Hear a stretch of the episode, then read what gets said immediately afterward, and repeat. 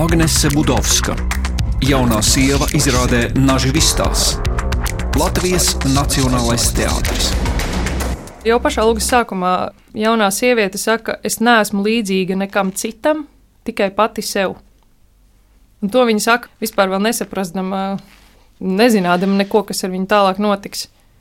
Tīri valodiski viņai nu, tas salīdzinājums kā tāds ir svešs, ka viņa, kā tas ir kā. Tu esi kā tīrums, kā tas ir, es esmu kā tīrums. Nu, es neesmu tīrums. Kā es varu būt? Tas nav iespējams. Es nevaru būt zemes, melns, slapjš, netīrs no lietas. Es neesmu tīrums. Un tad tas vīrs viņai mēģina pateikt to vārdu kā.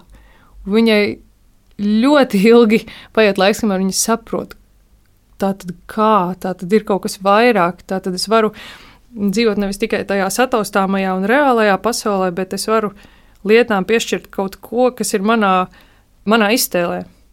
Un jā, tad pirmā reize, kad viņa saka, ka kaut kas ir kā, ir, kad viņa raksturo, kā viņas vīrs ēd. Viņa saka, tu, tu ēd kā zirgs.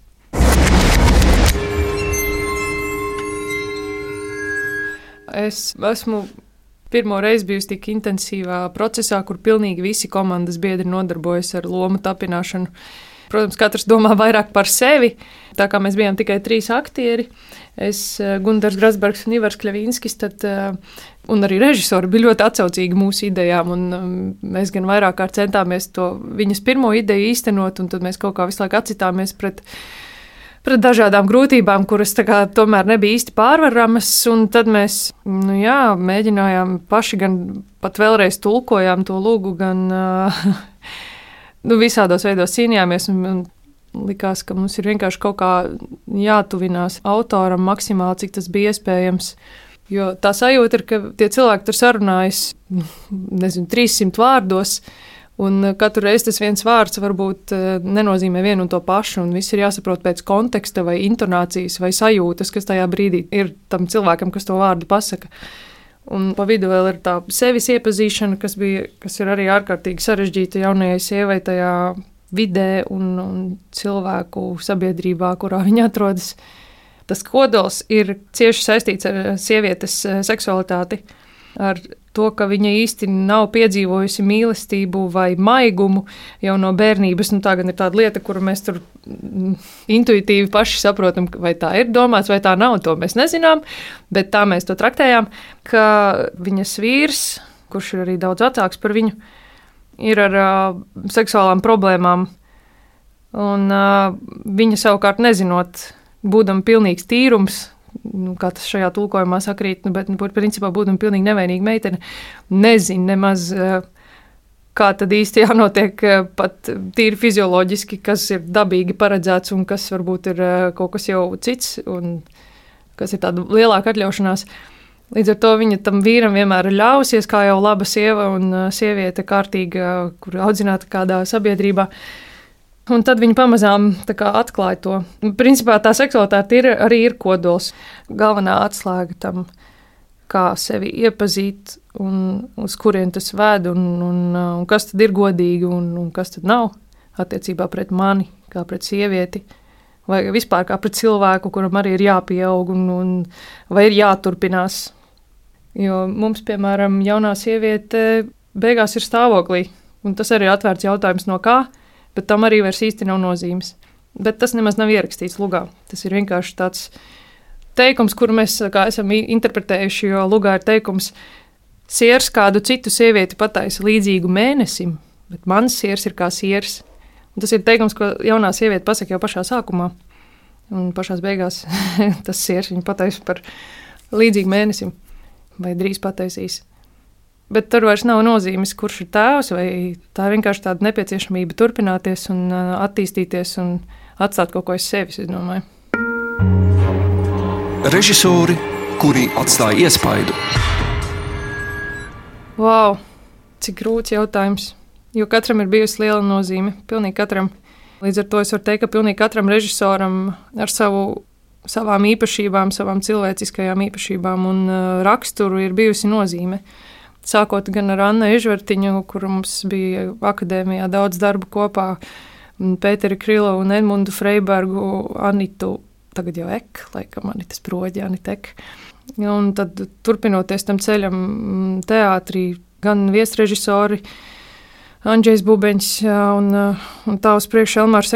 Tiešām pilnīgi es nevaru iedomāties, no kuras kaut ko neesmu mācījusies. Tā tas ir. Un, un vai, vai izrāde ir veiksmīga vai mazāk veiksmīga, es domāju, tur, tur nav tikai režisora noteikumi, tur ir tāds nu, zvaigžņu salikums, komplekts tāds. Es nevaru teikt, ka, nu, teiksim, tur, tāpēc, kā tur par, pieņemsim, Līgavas lomu, es esmu dabūjis balvu, man tur ir vismīļākais režisors, ir Vladislavs Nastāvševs.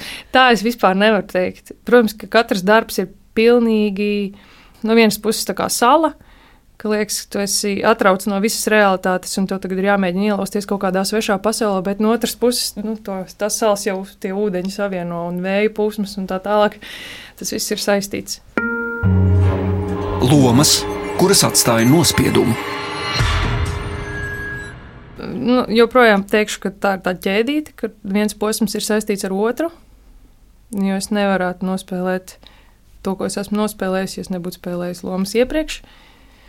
Vēl es varu piekrist faktam, ka aktieru darbs ir ne tikai mākslinieka darbs, bet amatnieka darbs. Jo vairāk to dara, jo labāks tu kļūsti. Un to nevar darīt teorētiski. Un tās lielākās lomas. Es, es viennozīmīgi piekrītu, ka naža vistās ir uh, liela loma. Un, uh, man tur bija ļoti daudz iespēju izpausties nu, tādā personības ziņā.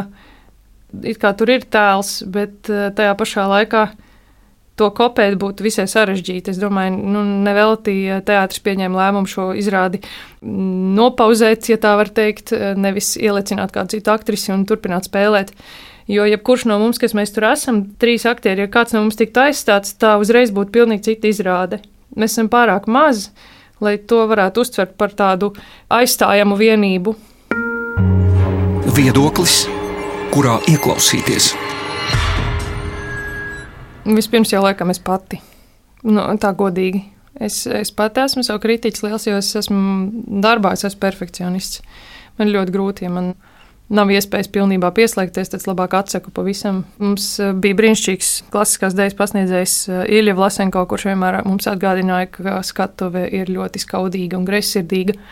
Un tā ir taisnība, to es esmu arī pārbaudījusi un arī novērojusi, ka nu, nevar, nevar to darīt ar ar tādu vienaldzīgu attieksmi. Ir jābūt tomēr lielai atdevēji un tikai tad skatuvi dot pretī.